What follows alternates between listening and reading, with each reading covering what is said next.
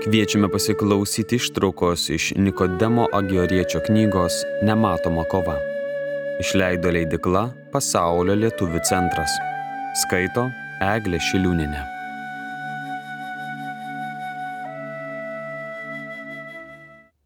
Dvidešimt penktas skyrius. Apie tai, kaip valdyti liežuvį.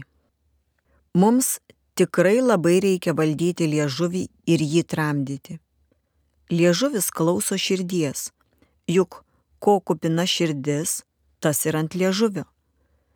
Tačiau per liežuvį išsilieja mūsų jausmai, įsitvirtina ir įsišaknyja širdyje.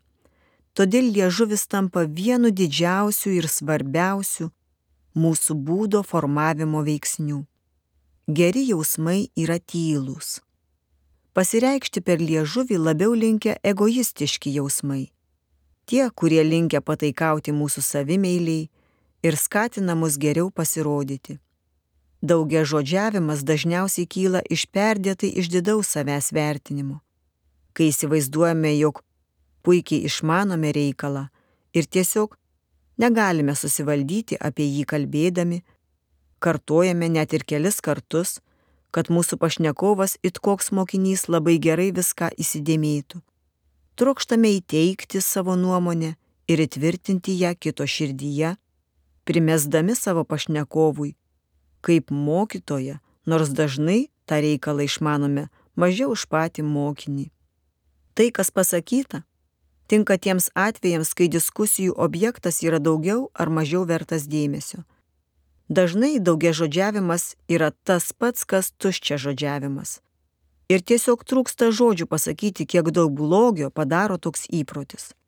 Daugia žodžiavimas atplėšia sielos duris, pro kurias akimirksniu išeina palaiminga širdies šiluma. Tuščia žodžiavimo atveju tai dar stipriau pasireiškia. Daugia žodžiavimas nukreipia žmogaus dėmesį nuo jo paties ir dėl to į širdį palikta be priežiūros. Įsiskverbia įprastiniai aistringi troškimai bei jausmai. Jie įsiskverbia taip sėkmingai, jog pasibaigus tuščia kalbystiai, širdis ne tik pritarė aistringam veiksmui, bet ir priima sprendimą jį atlikti. Tuščia žodžiavimas atveria duris priesaikoms ir teisimui, melagingų žinių ir nuomonių skleidimui, nesantaikai bei kivirčiams. Jis užgožia polinkį į protinę veiklą ir beveik visada panaudojamas norint pridengti tikrojo žinojimo nebuvimą. Po tuščia žodžiavimo, kai nebelieka pasitenkinimo jausmo, visuomet apima tam tikra ilgesio ir ištižimo savijauta. Ar tai neženklas, kad siela suvokia, jog yra apvokta? Apaštalas Jokūbas norėdamas parodyti, kaip sunku plepiam žmogui susilaikyti nuo nenaudingų, nuodėmingų ir žalingų dalykų, pasakė, kad liežuvio suvaldymas yra tobulumo ženklas. Kas nenusideda kalba, tas yra tobulas žmogus. Jis sugebės pažaboti ir visą kūną. Liežuvis, kuris savo malonumui ima nesiliaudamas kalbėti, bėga per kalbą kaip nepažabotas žirgas ir priplepa ne tik gero ir naudingo, bet ir blogo bei kenksmingo. Todėl apaštalas vadina jį nevaldomu blogiu ir mirtinų nuodų nešėjų. Saliamonas sakė, kur daug kalbama, ten kalties netrūksta. Anot Koheleto, kas daug kalba, tas parodo savo kvailumą, nes kvailasis daug žodžiauja. Nepatartina daug kalbėti su tais, kurie klausosi mūsų, neturėdami palankaus širdies nusiteikimo, kad vėliau mums įkyrėjus nepasidarytume jiems pasibjaurėtini. Kas nori kitą nukalbėti, bus nekenčiamas, sako Siracidas. Reikia sergėtis kalbėti iš aukšto, piktai, nes niekas šito nemėgsta. Be to tai rodo, kad esame neramus bei išdidus. Nereikia kalbėti apie save pačius, savo reikalus, savo artimuosius, nebent tais atvejais, kai tai reikalinga o ir kalbėti reikia labai trumpai ir glaustai. Kai matome ir girdime, kad kiti per daug apie save kalba, pasistengime nesekti jų pavyzdžių, nors jų kalbėsena ir atrodytų nusižeminusi ar save plakanti. Turint galvoje artimus žmonės, visiškai atsisakyti kalbėti apie jų reikalus nereikia, bet visuomet tai turi būti trumpa kalba, net jei tai daroma dėl artimųjų gerovės. Kalbėdamiesi su žmonėmis galėtume prisiminti palaimintojo falasijaus žodžius. Iš penkių kalbos elementų, kalbėdamiesi su kitais žmonėmis, tris galime panaudoti išmintingai ir be baimės. Ketvirtą - panaudoti retsikiais, o penkto visai nenaudoti. Vienas iš išminčių sako, kad pirmieji trys yra taip, ne, savaime suprantama.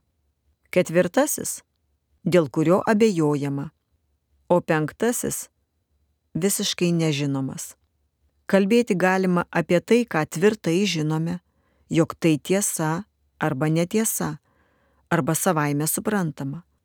Apie tai, kas abejotina, geriau visiškai nekalbėti. O jei kada ir reikia kalbėti, tai vis tiek geriau pasakyti, kad informacija abejotina. O apie nežinomą dalyką reikia visai nediskutuoti. Kitas išminčius sako, kad yra penki kalbos būdai. Kviečiamasis, kai ką nors kviečiame. Klausiamasis, kai apie ką nors klausime. Prašomasis, kai ko nors prašome apibrėžiamasis, kuomet apie ką nors tvirtai išsakome nuomonę, liepiamasis, kai valdingai ir įsakmiai liepiame. Iš paminėtų penkių, pirmus tris galime naudoti laisvai, ketvirtą - rečiau, o penkto niekada.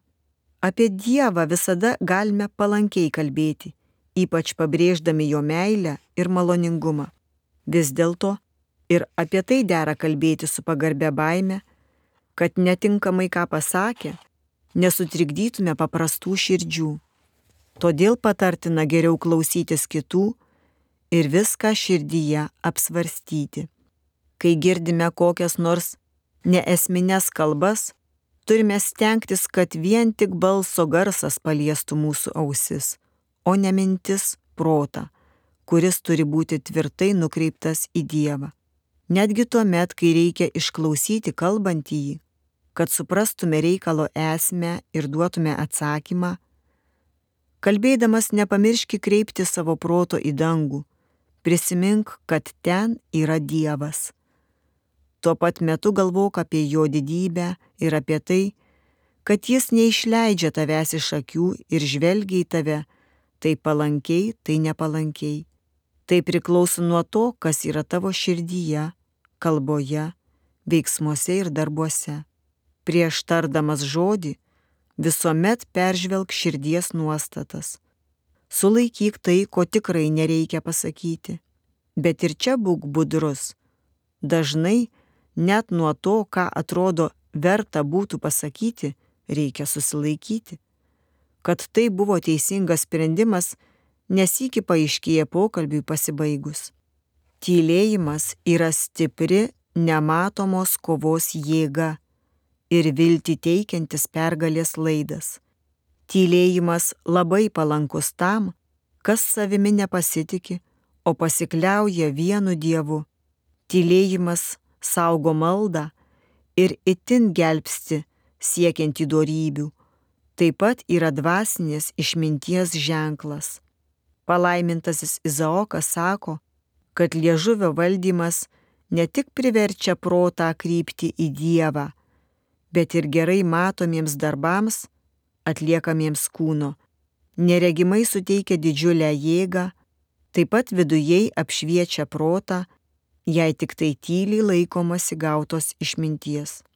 Dar jis teigia, tylėjimas yra daug didesnė pergalė nei atsiskyrėliškas gyvenimas geras dalykas yra žmogaus patarimai, bet tam, kuriam artimas tylėjimas, patarimai tampa nereikalinga našta. Ir dar priduria, tylėjimas yra būsimojo amžiaus slėpinys, žodžiai šio pasaulio ginkluotės esmė.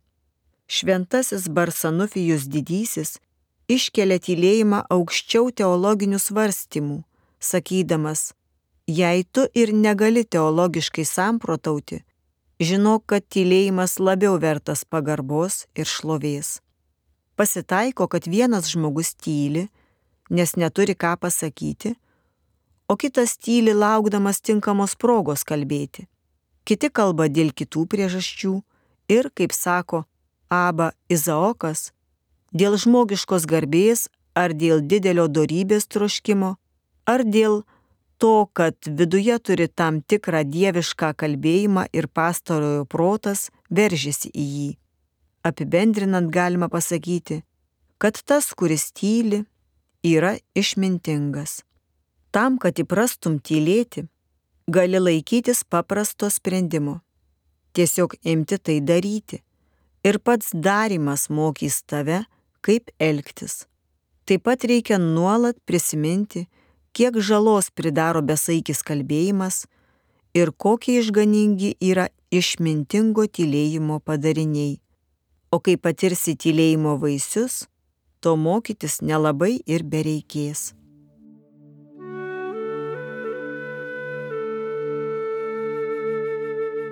Girdėjome ištrauką iš Nikodemo Agioriečio knygos Nematoma kova. Knygą išleido leidikla Pasaulio lietuvių centras 2023 metais. Skaitė Eglė Šiliūnenė.